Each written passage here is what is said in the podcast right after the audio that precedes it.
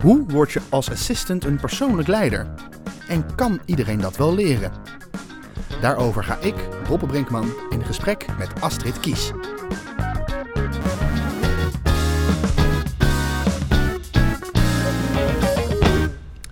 Astrid, welkom. Goedemorgen. Goedemorgen, Ja. leuk dat je er bent. Ja. Heeft iedereen het in zich om een krachtig persoonlijk leider te worden? Eh, je komt er wel in met een leuke vraag, hè? Ehm, ja, eh, eh, eh, iedereen heeft in zich om leiderschap op zich te nemen. En of dat resulteert in een krachtig leider, dat is wat mij betreft weer heel iets anders. Kun je dat dan... Je kan wel je persoonlijk eh, leiderschap eh, pakken. Ehm, als ik het uit zou leggen, is ehm, eh, leiderschap, persoonlijk leiderschap, gaat voor mij over eh, dat je je schip ehm, kan navigeren naar eh, volle zee. En dat je de kennis en de kunde hebt om dat schip te sturen. Mhm. Uh, en daarnaast weet je, heb je het inzicht wat veranderingen in, in bijvoorbeeld het weer met jouw schip doen. Dus dat gaat over het inzicht in jezelf. En jij kan hoe dan ook je haven kiezen waar je naartoe wilt varen. En, en, en in, in die haven waar jij terechtkomt, daar is het. Um, begrens jij en uh, zeg je wat wel en niet kan. En die begrenzing is voor mij ook leiderschap. Het inzicht hebben is voor mij ook leiderschap. En de kennis en de kunde hebben is voor mij ook leiderschap. En dat gaat allemaal over de persoon. Maar ongeacht waar jij zit in een organisatie, kan je persoonlijk leiderschap laten zien.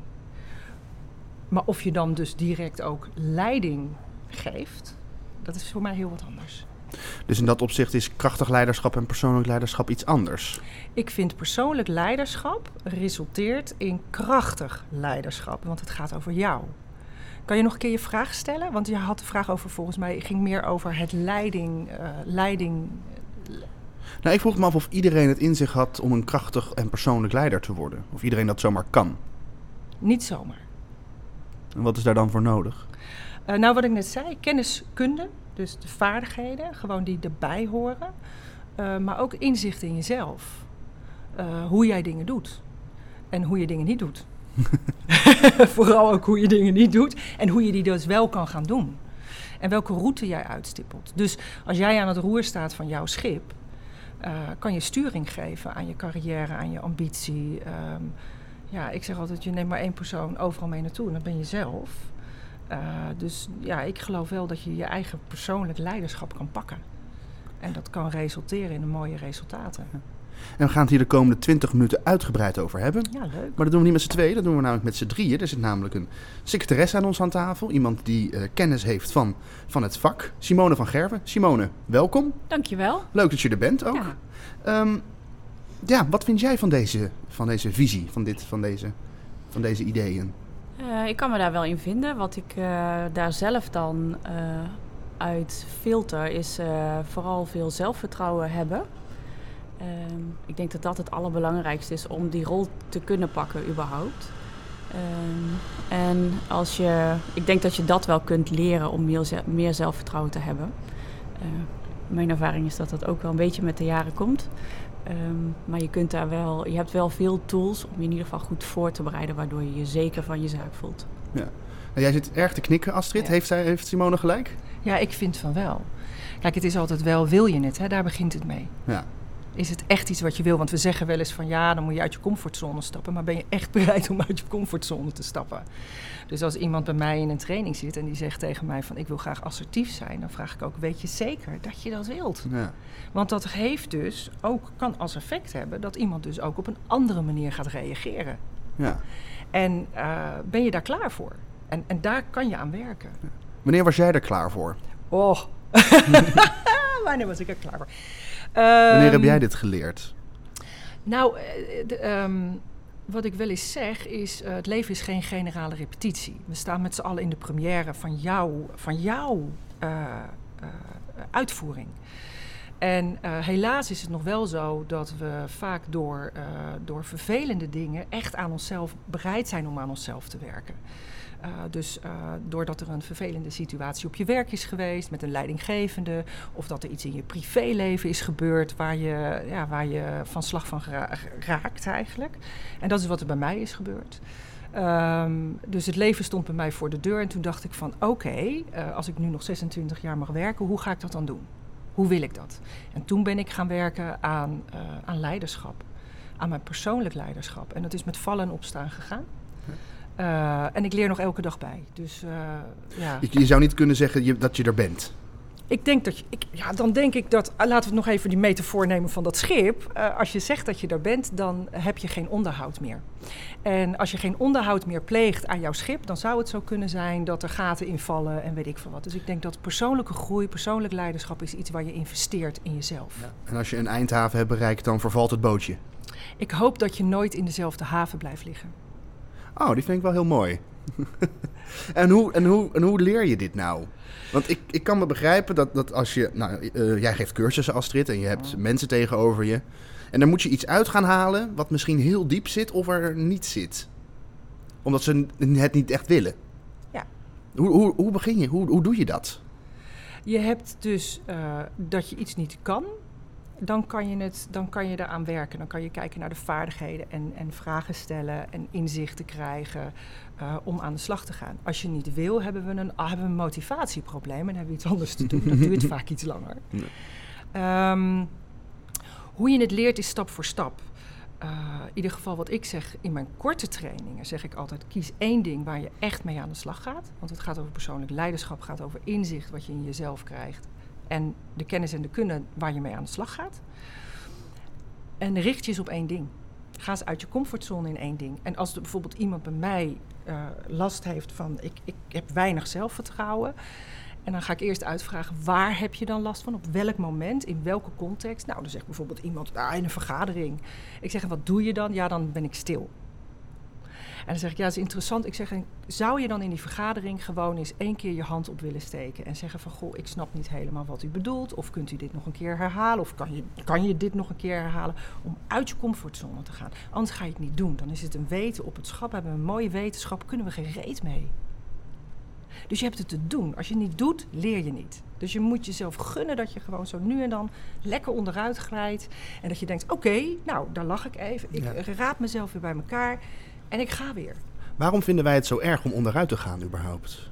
Uh, ik denk dat het heel vaak komt omdat uh, uh, dat is ja, voor jouw generatie misschien anders dan voor mijn generatie. omdat in ieder geval de mensen die in mijn training zitten via Secretary Management Institute herkennen zich vaak in het stuk van, uh, ja, het moet goed. Ook de functie als assistant is vaak, je bent speel, hè, spin in het net en uh, ze verwachten echt iets van je, dienstverlenend, uh, veel dingen moeten doen en die moeten dan ook goed. Dat is de gedachte, hè? Moet, moeten goed. Het moet goed. Moet goed. ja, en dat is, nou ja, dat is, dat is soms lastig. Ik weet je vraag niet meer. Nou, waarom? Oh, waarom we heel moeilijk vinden om op ons gezicht te gaan. ja, waarom we dat ingewikkeld vinden, gaat over, denk ik, over schaamte. Ja. We schamen ons als we iets fout doen, omdat iemand dan kan zeggen: dit en dat heb jij niet goed gedaan. Nee, want het moest goed. Want het moest goed. En uh, nou ja, dat is, dat is vervelend. Ja. Simo hm? Simone, herken jij dit in je, in je vakgebied? Of zouden in ieder geval mensen misschien iets meer van, van Astrid mogen leren in, in, jouw, in jouw werk? Uh, ja, ik denk dat zeker. Um, als ik kijk naar mijn team, uh, zit er in ieder geval één iemand bij die heel erg perfectionistisch is. En wat daar ontzettend in de weg zit. En dat vind ik echt een, uh, soms een worsteling om te zien. En ik denk dat op zich het nastreven van perfectionisme wel een goed streven is. Maar het moet je niet in de weg gaan zitten. En je moet ook, um, als je je best hebt gedaan, dan heb je je best gedaan. En 100% haal je eigenlijk bijna nooit. Dus je moet er wel vrede mee kunnen hebben. Uh, dat het geen 100% is. Maar het streven daarna vind ik op zich wel goed. Ja. Maar uh, ja, als het een worsteling is, dan uh, vind ik dat wel jammer om te zien. Ja. ja. Oh. ja, rondom perfectionisme zeggen ze ook: perfectionisme is op zich is het goed, alleen als je de lat te hoog legt voor jezelf en dan gaat het je beperken. Dan gaat het je in de weg zitten. En dat is vaak wat mensen die last hebben van perfectionisme. Ja, ik heb, ik heb laatst gelezen dat perfectionisme iets is wat je sowieso moet vermijden, waar je niet naar moet streven. Maar als ik dus naar jou luister, is het eigenlijk iets waar je, dat, wat je zowel niet moet vermijden als ook niet naar moet streven. Nou, zonder doel, eh, hè, als je geen doelen stelt, dus als je geen, geen ehm, doel hebt van nou, dit wil ik als resultaat zien, ehm, ja, dan kom je ook nergens. Dus het is wel fijn dat je weet waar je naartoe wil werken en dat je dat zo goed mogelijk wil doen. Hè? Mhm. Alleen iemand die eh, perfectionistisch gedrag vertoont, die komt dan vaak niet af. Snap je wat ik bedoel? Want het is nooit goed genoeg. Ik heb ooit een keer iemand gehad, ik, hè, die had last van perfectionisme. En ik zeg, en wat doe je dan als je mail stuurt? Oh ja, die lees ik tien keer na. Ik zeg, hoeveel tijd kost je dat dan wel niet? Ja, nou, zegt ze, ik ben daar dan gewoon een dag mee. Niet een dag, maar ze zegt, dan, dan schrijf ik hem en dan ga ik hem weer lezen en nog een keer lezen en nog een keer lezen. Ja, en dan kan je kletsen als brugman, om het maar even netjes te zeggen. En dan zeg ik van, oké, de komende week lees je je mail nog maar twee keer. En dat is al heel spannend, omdat de mensen gewend zijn dat ze het tien keer doen. Ja. Dus uh, perfectionisme, nee, je moet er niet naar streven, maar je zal er maar last van hebben. Ja, Ja, dat dan is het niet eh, van dag één op dag twee dat je zegt, zo, nou, ik ben geen perfectionist meer. Je bent het ook niet, maar je gedraagt je wel zo. Ja.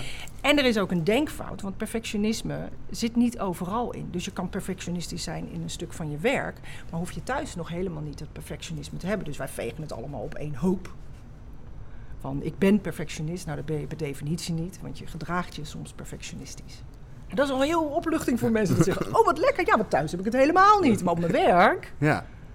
Oh, wat grappig. Dus perfectionisme is eigenlijk een soort van hele selectieve ziekte die je kan hebben. Nou, ziekte. Oh, ziekte. Nee, geen ziekte. Het is wel iets waar je heel veel last van kan hebben. Ja. Een soort klein allergietje of zo. Voor andere mensen een, dan. een klein allergietje, laten we het daarop houden. daarop houden. Simone, ben jij een persoonlijk leider? Zou je dat van jezelf durven zeggen? Eh, ja, inmiddels wel. Durf eens wat anders te zeggen na, met Astrid naast je.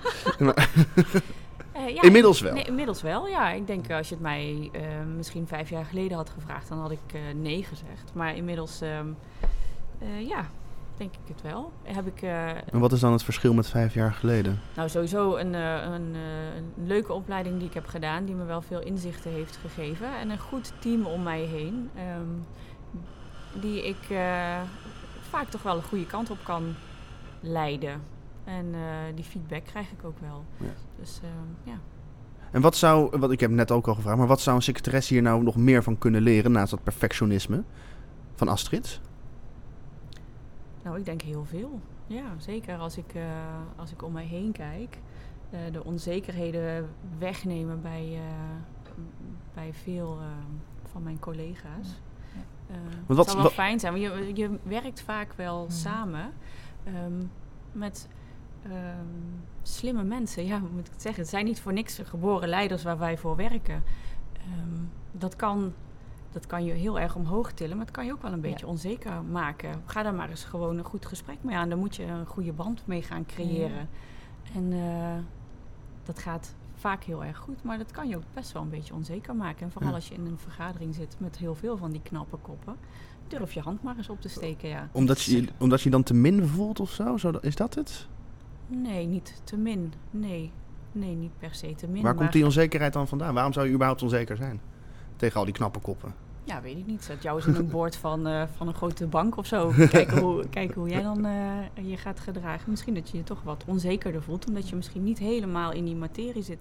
Veel vakjargon voorbij komt. En Mhm. naarmate je langer bij een bedrijf werkt, zakt dat misschien wel. Maar als je net bij een bedrijf werkt bijvoorbeeld... Ja. moet je toch best sterk in je schoenen staan. Wil je daar gewoon je hand op steken Ja. en vragen... eh, waar gaat het eigenlijk over? Kunt u dat nog een keer herhalen? ja. En soms hebben mensen last van het Calimero-effect. Zij zijn groot, ik ben, ik ben klein. Ja. Ja. weet je, hij of zij heeft gestudeerd, ik niet. eh, Ja. En dan ook tegen zichzelf zeggen, Ja. want ik ben maar secretaresse. Nee, je bent assistant. Je bent iemand die, eh, die, die die adviserende rol kan gaan pakken Ja. in de toekomst. Want daar gaan we wel naartoe, hè. En het is gewoon lastig als je daar last van hebt, van het Calimero-effect. Want het is een denkfout. En die denkfout is zo zonde. Want je Mhm. belemmert jezelf om je persoonlijk leiderschap te pakken. En te gaan voor je eigen ambitie. En dat is natuurlijk in assistant wereld is dat best wel een woord, hè, ambitie. Eh, maar het is wel zo. Het is wel je, Waarom is dat in de assistantwereld een woord, ambitie? nou, eh, profileren. En, en je, je bent natuurlijk, eh, ehm, ja, het is misschien heel raar dat ik het zeg, maar je, eh, hoe kan ik dat het beste Ja. noemen? Je, je, je, je, je koppelt dingen aan elkaar voor mensen. Dus je regelt ook heel veel dingen voor jouw leidinggevende. En ehm, dat doe je gewoon omdat je dat doet. Laten we het hebben over profileren. Als ik tegen een assistent zeg, wil je je beter profileren, dan is het liever, en nu algemeniseer ik, hè, nu generaliseer ik, dat ze zeggen, nou, ik hoef niet zo nodig op de voorgrond. En je kunt je ook profileren door jezelf wel zichtbaar te maken via de achterdeur op de achtergrond. Je bent gewoon belangrijk wat je doet. Dat wat jij doet is belangrijk. Dus in de assistantwereld zou ambitie eigenlijk een vies woord zijn. Van dat, dat, dat moet je niet hebben. Mij- Nou, de betekenis van een woord is altijd de vraag voor wie, hè? Ja, dat Als er een betekenis is. Hoor. Dus, dus ik, eh, ik, ik, ik pas even op deze vraag. Oké, helemaal goed. Ja. Maar stel, we hebben een, een luisteraar. En eh, die luisteraar, die alles wat Simone zegt over onzekerheid en perfectionisme, dat herkent hij of zij. Mhm. Wat zijn dan de, de drie, misschien drie of vier korte speerpunten waar hij of zij vandaag mee zou kunnen beginnen? Ja, eh, ik ga ik heel even kort uitleggen aan de hand van een voorbeeld. Ehm, hoe wij reageren in het leven of op je werk is... eh we hebben allemaal rollen. Ik bedoel, jij hebt nu de rol van interviewer. eh, jij bent de rol, hebt de rol van directieassistent. Ik de trainer. Maar daarnaast ben ik ook ouder. Ja. Ik heb een dochter. En als opvoeder reageer ik vanuit een reflex. Dus als opvoeder zeg ik bijvoorbeeld tegen mijn kind, als ze weg op de fiets stapt, zeg ik: Pas op, hè, let op, kijk goed uit. Dat, dat is een reflex van mij. Omdat ik vroeger eh, een beetje een eh branischopper was, slootje ging springen en eh, allerlei dingen deed waarvan mijn ouders zeiden: Doe een beetje rustig aan. Ehm, dat heb ik vaak, vaak gedaan bij haar. En ik zag dat de resultaten van school niet klopten met de resultaten die ik thuis zag. Of met het kind wat ik thuis zag. Dus daar ben ik mee aan de slag gegaan. Gedrag, gedrag is mijn passie om te kijken wat doet iemand in gedrag. Daar kwam dus ook uit dat zij een gegeneraliseerde angststoornis had. Dan doe ik iets als ouder wat niet dienend is voor haar. Dus wat voor haar niet goed is. Dus ik zeg van pas op, terwijl ik eigenlijk tegen haar zou moeten zeggen: stap op je fiets, geniet van de omgeving, geniet van de zon, kijk nog eens even om je heen. In de rol van assistant, dat zou dienend voor haar zijn, hè, voor mijn dochter. Uh, maar dat geeft bij mij wrijving. Want het is een tegennatuurlijke beweging voor mij. Nou, als assistant zie je heel vaak dat, ze, uh, dat je vanuit die rol als assistant heb je taken, verantwoordelijkheden en bevoegdheden. Uh, de reflex die ik heel vaak zie, is ook weer een generalisatie, is dat de assistant zegt van ja, geef het werk maar aan mij, kom maar op. En die merkt aan het einde van de dag dat ze een stapel werk over heeft en tijd tekort. Dat is voor haar niet dienend. Ook niet voor de organisatie, want als dat te lang doorgaat op lange termijn, dan kan iemand overspannen raken, burn-out. Ja, heb je, he- ja. heb, je, heb je niks aan. Nee. Dus wat ik vandaag zou willen, willen meegeven, is dat je alleen maar de vraag stelt: is dit dienend voor mij en is het dienend voor de organisatie dat ik nu doe op deze manier wat ik doe? Kijkend naar van, vanuit mijn rol van assistant, is het ja zeggen. Dat is een voorbeeld, het kan heel veel verschillende voorbeelden zijn. Maar als ik ja zeg tegen dit, is dat dienend voor mij en voor de ander en voor de organisatie. En soms kom je er dan achter dat je ook een andere beweging kan maken die niet natuurlijk van jou is, maar wel goed is voor de situatie. Na wrijving komt glans, hè? ja, en soms gaat het gewoon al in één keer goed. Ja, die kan ook op een tegeltje. Na wrijving komt glans. Ja, na wrijving komt glans. Ja. Dus, dus die tegen, tegennatuurlijke beweging, ga daar naar op zoek. Ja, en misschien moet je daarmee ook klein beginnen. Ik snap dat het misschien bij op je werk wel een hele grote stap is om dat uh, morgen Ja. te gaan doen. Ja, het, het kan al hele kleine dingen zijn dat je gewoon eens een keer uh, uh, ja, iets anders doet dan dat je normaal doet. Dus uit je comfortzone stappen en een andere beweging maakt dan die je normaal maakt. En dat klinkt heel simpel, maar begin inderdaad maar klein. Ja, voor spring eens in dat slootje. Vertoon eens brani gedrag. Ja. Nou. Jij gaat lekker met mij naar de extreme toe, hè, merk ik. ja, ik hou wel van extreme. Ja, ja dat, vind, dat merk ik. Dat is ook leuk. Dat is ook leuk. Alleen dat is voor sommige mensen is dat te groot. En dan gaan ze het niet doen. En dat is zonde, want dan laat Ja. je hem weer liggen. Ja, dus waar zou je dan klein moeten beginnen? Nou, door je die zelf die vraag eens te stellen. Van, is dit dienend voor mij? Stel jezelf eens vraag, is dit dienend voor mij? Gaat dit mij helpen? Astrid Kies, Simone van Gerwen, dank jullie wel. Nou, jij ook, dankjewel.